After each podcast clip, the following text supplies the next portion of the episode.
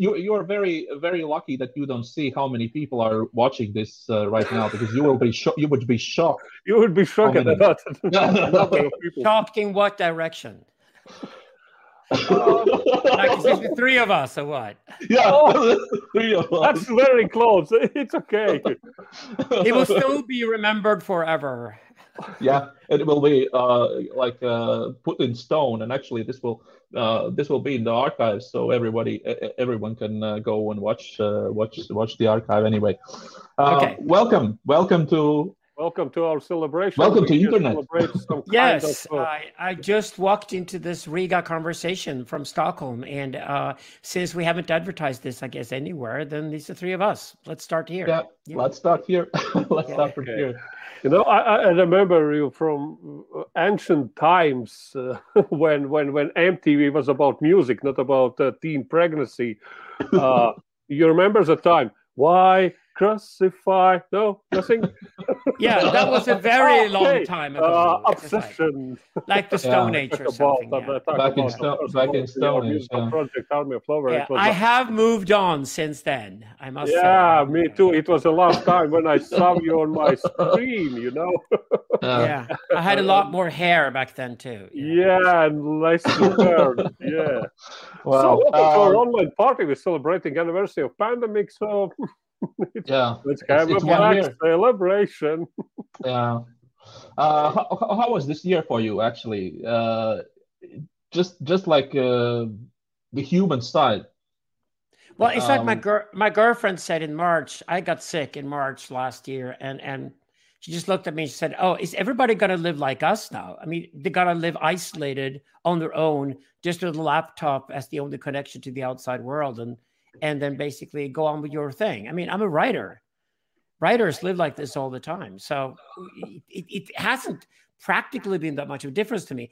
The real difference was actually this winter because I have spent the last 30 years in the tropics during the winter. You know, Latvia and Sweden get pretty cold and dark and eh, at best snowy in the winter and it's just a good time to go, you know. So this was the first time in 30 years that I actually experienced the Scandinavian winter. um, which was kind of shocking. So it, has been a long, very dark winter for me. Um, but that was the only major practical difference for me mm. compared to what it usually is.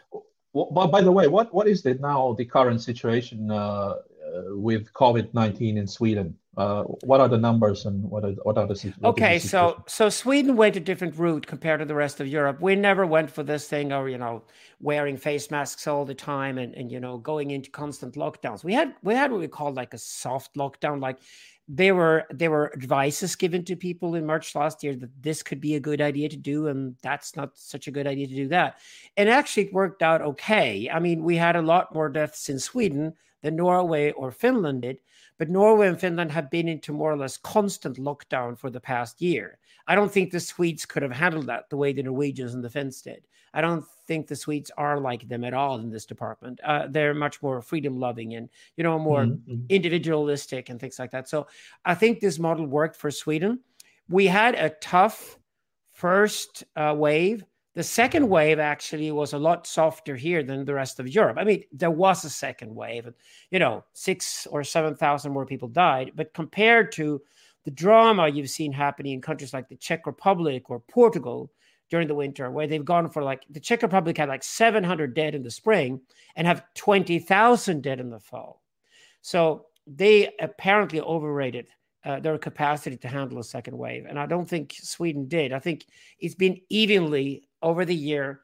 Hospitals haven't been overworked or anything like that at all. And the people that died here are mostly very obese or very old people. So, so I think I think Sweden mm-hmm. did it well according to their model. I think Finland and Norway certainly did too, but I think we should wait another five years to actually compare the two different models. Mm-hmm. So we, we can we can learn maybe something from uh, from this model maybe uh, oh yeah i mean this is what this is the reward for the swedish model. Our economy is up and running way earlier than the rest of europe. Unemployment is at a record low the Stockholm Stock Exchange has done better than any stock market in the world, or at least in, in the civilized world over the last year. Uh, so the economy is up and running. And this is, of course, the positive effect of not going into constant major lockdowns, which are very, very costly. That's exactly the idea behind the Swedish model. The model was that we think people can actually take social distancing seriously anyway. They don't have to be told at all times what to do. And having traveled in Europe, I did that in the, in the fall at least. I tried to travel. You know, I went to Italy, I went to the Czech Republic, I went to some of the other countries in Europe, and I noticed that when people wear the face masks, they start taking a lot of other risks instead. They get they go a lot closer to one another. They wear the same face mask three days in a row, which is you're not yeah not acceptable really. So, so uh, I think at the end of the day, I don't think all this face mask shit that's been going on is going to turn out to be a good idea at all. I think mm-hmm, in most mm-hmm. cases, actually more destructive is being constructive. And, and I think you need the Swedish model to compare these other strict lockdown models when you eventually are going to do a sort of a, a, survey on, okay, which models work the best in case this happens again in the future. Yeah, I hope that this I hope that this uh, interview is now watched in uh, our government uh, session because we, we have now currently the government session and they're uh, now deciding on new maybe restrictions. And we are now all waiting in latvia what's going on with uh, what will go on with yeah okay. This was the thing. There, there, there was some kind of rationality to decisions that were made in the spring of 2020 when the second wave came in the fall of 2020 you noticed already that the politicians were getting much more involved they weren't listening to epidemiologists any longer. They weren't listening to medical advice any longer. You know, they weren't even listening to economic advice or social policy advice. They were just taking their own decisions depending on what looked tough. You know, so they started making all kind of rush decisions. And when it comes to the third wave, that unfortunately we're going to experience in the European Union because we've been very slow with vaccinations compared to places like Israel or America. So, because we've been slow with the vaccinations, we're going to have definitely a third wave and a lot more people dead because of Brussels and the European Union, who've been terrible at organizing this.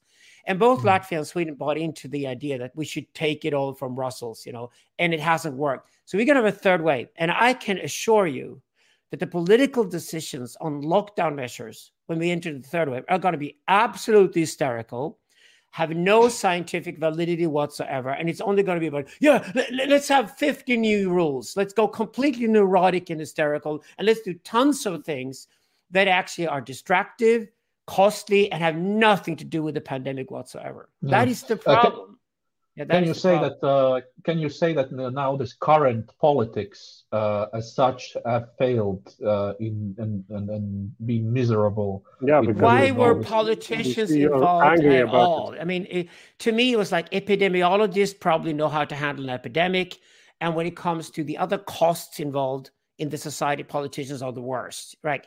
Because politicians would say one day that we need to save the jobs okay? But the next day would say oh by the way we, we, we need to take precautions against the epidemic. And then they forget about all the restaurants and the hotels and everything that went bankrupt bankrupt the day before. So yeah, and then they print money like hell and throw all that money all over the place. Both the European Union and the United States have printed money like crazy. And eventually, those bills need to be paid by somebody. And it's not going to be the people who are terrified and 70 years old who read the newspapers today. It's going to be young people today who will pay the cost, the enormous costs involved in printing all this money to save the economy.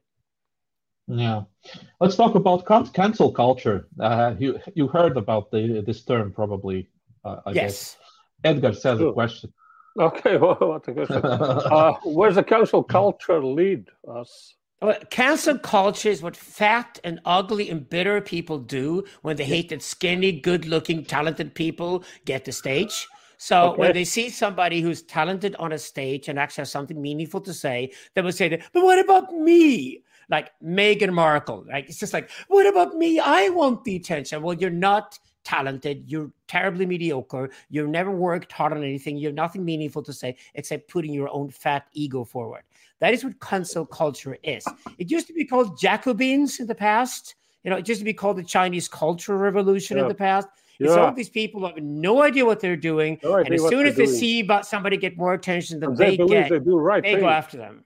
That's what, yeah. what, what, what fucked me up is they think they do the right things in, in, in, in the Chinese culture. Yeah, yeah, yeah. That's that's well, that's the thing. What are you terrified of? Okay, so cancel culture and deplatforming is a bit like Western Europe and North America being envious of is- Islam for having a fundamentalism.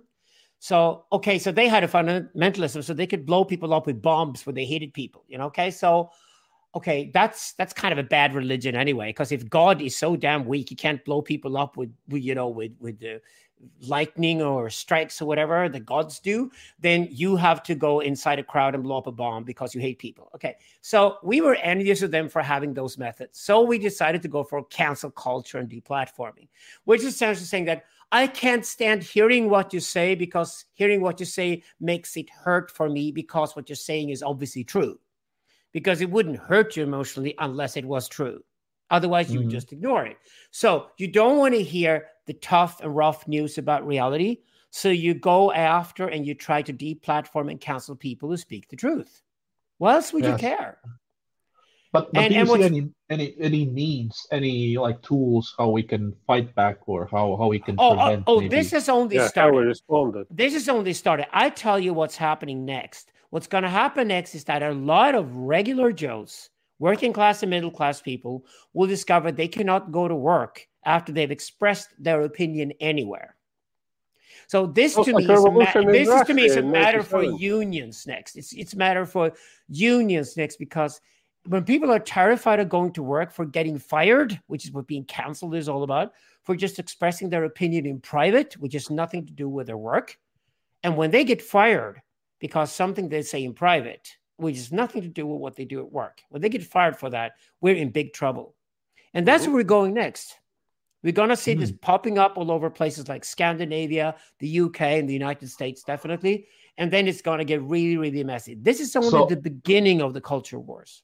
So it's not uh, only about famous people. No, no, no, no. It, it, no, it started with famous people as it always does, but now it's moved into the middle classes. And this is the problem. Cancel culture was always organized and supported by people who've gone into academics and into politics and into mass media to have careers there. And they were mediocre and untalented. But because they were mediocre and talented, but got this spot, that megaphone called social media, where they can go after people that they hate, they will do so. And here's the problem why the culture war isn't over in a long time yet. These people have nowhere else to go. They've mm-hmm. invested mm-hmm. their careers in academics and then they go political and then they move into mass media. They're terrible at social media in itself. They're terrible at all these new outlets because nobody listens to them. These are not people of 100,000 Twitter followers because if you have 100,000 Twitter followers, you're damn Piers Morgan or something. Piers like Morgan. or maybe yeah. me, right? Alexander Bard. So, I, you know, I have 122,000 followers on Twitter and my Twitter followers are across the world. So, they go after people like me. That's what they do. Why? Because they failed miserably, but because these old institutions that nobody should care about any longer, like politics, academia, and mass media, because these old institutions are now open for takeover by people who invested heavily in academically educating themselves in, you know, victimhood cults and victimhood culture. Then yeah. these people move into the arena and, and it's precisely because we no longer are in a heroic mode. It's precisely because we no longer celebrate heroes. We no longer celebrate people who succeed in life and who can be role models for our kids and you can show them to our kids and say this guy succeeded through hard work and massive amounts of talents and some luck. He succeeded. Now do as he did. Learn from him because we stopped telling the kids that.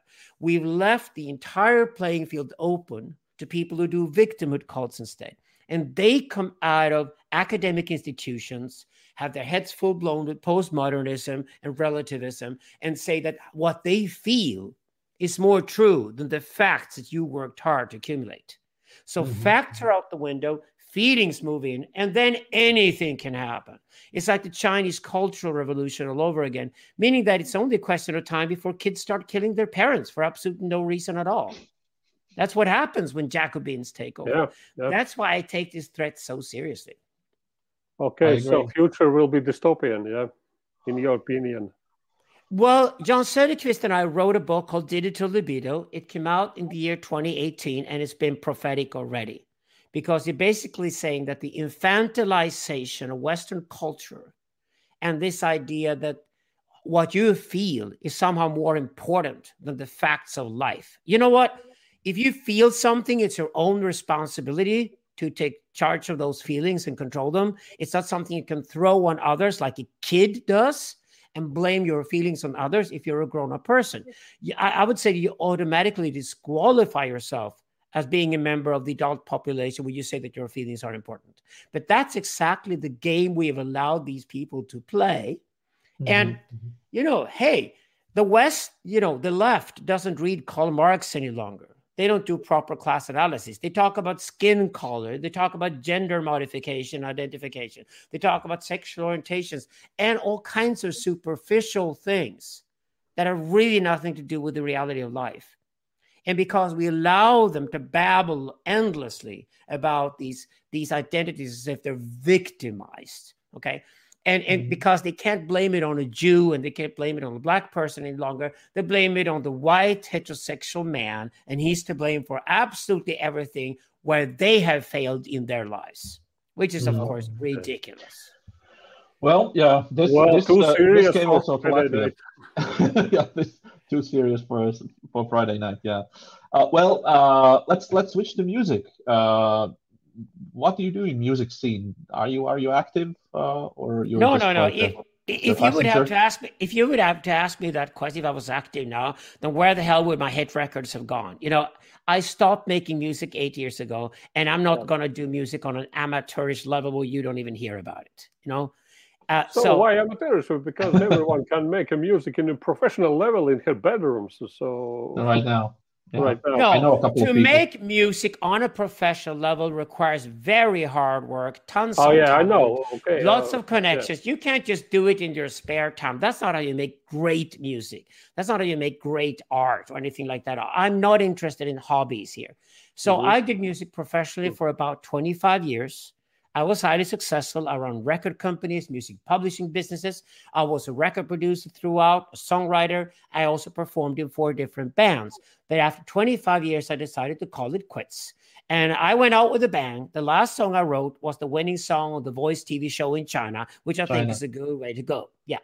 So out. It's just, it's just like I, I, decided that no, I'm going to be a philosopher full time. I'm not going to try to do philosophy and music in parallel and try to be brilliant at both because that's impossible. One of them has to go. And since I've done music, I was over and done with it. I think I opened my Spotify one morning and discovered there were 18 million songs there.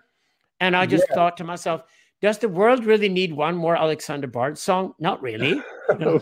Maybe they need, you know, so, so you know. Does the uh, world need more books from me and John? Yes, it probably does because nobody's figured out what digital is. Mm-hmm. And since nobody's figured out actually what's going on in the world, it's much more interesting to be a philosopher these days. If you talk about Spotify, uh, I think it was. Uh, Gary Numan, who told uh, they have a million plays, uh, 10 million times a hit single Cars in Spotify, and he's earned 37 euros. 37 euros. Yeah, but that's yeah. because that was a terrible hit rate. Terrible. You know, most artists today, the hip hop stars, etc., they have billions of people who listen to them on Spotify, okay, make tons of money. if Gary so... Numan didn't make more money, that because he's old and everybody's forgotten about him except you. No, I, I read it. Why would he still be relevant? I read it in Pittsburgh, and I think, what the fuck is you going on? You are so old you even remember Gary Numan. That that in itself is no, Gary Numan in, in, in, this week in Spotify playlist, uh, in yeah. my uh, Spotify playlist says realized new single, I think. They released, yeah, they released, released a new, a new single. Uh, Nobody cares about a new Nobody, Nobody cares about a new Gary Numan single. Nobody cares about a new Madonna single. Nobody cares about old people making music. Come on. Okay. You, you yep. care about cars, the only song. And there was another one called Are We Electric? All right. Are Gary Numan had two hit singles when, like 40 years ago? So why would kids care about him today? Yeah, that's right. But but you, yeah, you cannot say that you were not involved. You you cannot say that you were not involved in music. Uh, a couple of years ago, you you were the, the head of the jury at Sverige Idol. Yes, the Swedish Swedish Idol. That's the... not music, Christoph. That, that's television. Well, That's what, none, what of, none of the participants ever have a career. That you're just sitting there in the jury pretending that these guys are talented, you're pretending they're going to be successful, and then you force them to sing all kinds of shit they can't even sing. And and then the show's over, and you're pretending you're going to buy the record of the winner, but the next week everybody's forgotten who won the shit. These are TV shows. Television yeah, is a different show. medium from music. It has nothing to do with music. Nothing to All do right. with music. Okay, I mm-hmm. agree with you. Yeah, I agree to that. At best, but, if you've done Idol, if you've done Latvian Idol, or wherever the show is called no, Riga, no. you can go on to do Latvia at Eurovision, and that's also not a music show. That's another terrible television show about people who try to perform for three minutes, and if anybody gets upset, they get disqualified, and if they win, everybody forgets about them anyway. Eurovision is, is just television, right? It's yeah. TV shows. Yeah, television. So don't be angry. We know we know we know. music. And, uh, I did television until last year. Now I'm out of television too because nobody uh, watches television any longer. Everybody watches YouTube or something. So I moved on. Yeah. yeah. Um, all right. Uh, well, when I when I asked you, actually, uh, we, we, had an interview in uh, in in a magazine interview in Latvia. Uh, this was a year ago, I guess, or or even uh, I can't remember. But I, I, asked you the question about the, the, the future of the music, and uh, you mentioned about the Spotify playlists and DJs that are actually now controlling the music scene. Uh, are you still are you still with this idea? You you you you think it's, it's yeah? I mean, it was one of the reasons why I quit because I'd love to be subversive and be culturally active or something, and I realized that when Spotify took over the world, music would be reduced to say a sonic wallpaper so it's like it's like the people who listen to the music consider themselves to be the stars. So it's like the DJ. That's why DJs took over from rock stars because the DJ is there just to play music. That's why DJs are dressed in a t-shirt and jeans because they're not stars. The stars of music today are the people who listen to the music and they arrange their world. They have parties at home. They go out to clubs. They go to raves they have music around them all the time. They go out jogging, hearing music in their earphones or whatever. So pe- pe- people have music around them as like a kind of sonic wallpaper, and it's a bit like music was maybe in the 1940s, for example, until you come to you arrive at Elvis Presley in the 1950s, and then you have a golden period in the 1960s up until the 1980s when people actually believe that there are real rock stars and there are real pop stars and they actually mean something, right?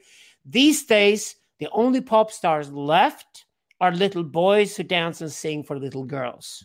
That's why K-pop from South Korea. It's like K-pop. the last remnant of rock stars. Like because if you're not 14 years old and you just discover your female sexuality and you get turned on by a 16 year old guy who looks like he's gay, then you're not interested in stars any longer. So so star power is gone. That means that music is now basically it's like music is like it's like you work in a restaurant next to the sir next to the waiter you're the guy who plays the music and then people babble along and they do whatever they want to do okay. and music has been reduced to that again where it should be historically speaking it's been reduced okay, so you to... think uh, that that, that uh, big gigs uh, uh time is over the big shows like uh, I don't know, like like like the Rolling Stones, like uh, Madonna, like Michael Jackson. The yeah, only old people go to those things. They're called no, Iron no, no, Maiden think, uh, concerts. Uh, stadiums. Yeah, you mean, you mean full stadiums? And again, can, can we have a new new Madonna, new, new wave, uh, Jackson, new, new Elvis Presley. Uh, you know what? I don't. I don't know. I don't think so. I don't think musicians are relevant any longer because they're too boring. When they open their mouths in interviews, they have nothing to say. Nothing so, to say. They say all there are things. Any oh, influencer today is more interesting than a pop star. So, because if you have something interesting to say, that is your asset. And then you go online and you create your own YouTube channel or something, and you, you speak to other interesting people. You have interesting conversations, and then the traffic is generated. Now, some of the YouTube discussions I with my friends end up having 600,000 people who watch it. That's way more than a pop star ever gets out of a pop star interview. I mean, would you today even care about a person who's made an album and wants to conduct an interview about that album? Because nobody interviews a, a pop star because a pop star has made an album. Yeah, we know how predictable actually... and boring that is. So that's yeah. over. That's uh, there was actually the story about Dua Lipa uh, she created the online concert uh, where she performed in front of uh, many cameras, and uh, and and she uh, sold some millions of tickets, uh, Millions of tickets, for huh? for for fi- five or twenty five dollars. So basically, Yeah, with one But that gig, works, earned look, Christoph, that million. works once, but it gets terribly boring three times. Yeah, it's just. It, Yeah, don't ever agree. don't ever believe that novelty is important. In the music industry, it's called a one-hit wonder. You can have one hit record, but what's really, really hard is continuously churn out hit records. That's fiendishly hard to do. But it's the only thing that's interesting. It's the only thing that creates volume. And that's what the music industry is obsessed with. It's mm-hmm. obsessed with mm-hmm. artists who can maintain careers for years. And that's exactly why they're more interested in music producers these days than they are in the stars you put on the record. So, So, Dua Lipa can, is nothing possible today, yeah?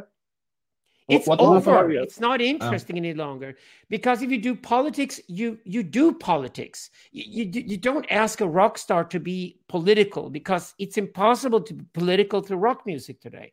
It, it's too it's too complicated to go through that entire process. You cannot have another Bob Dylan. It will not happen. uh, yeah, uh, you- you- uh, of course, you, you mentioned uh, Bob Dylan. Maybe it's because uh, we have not to. Uh,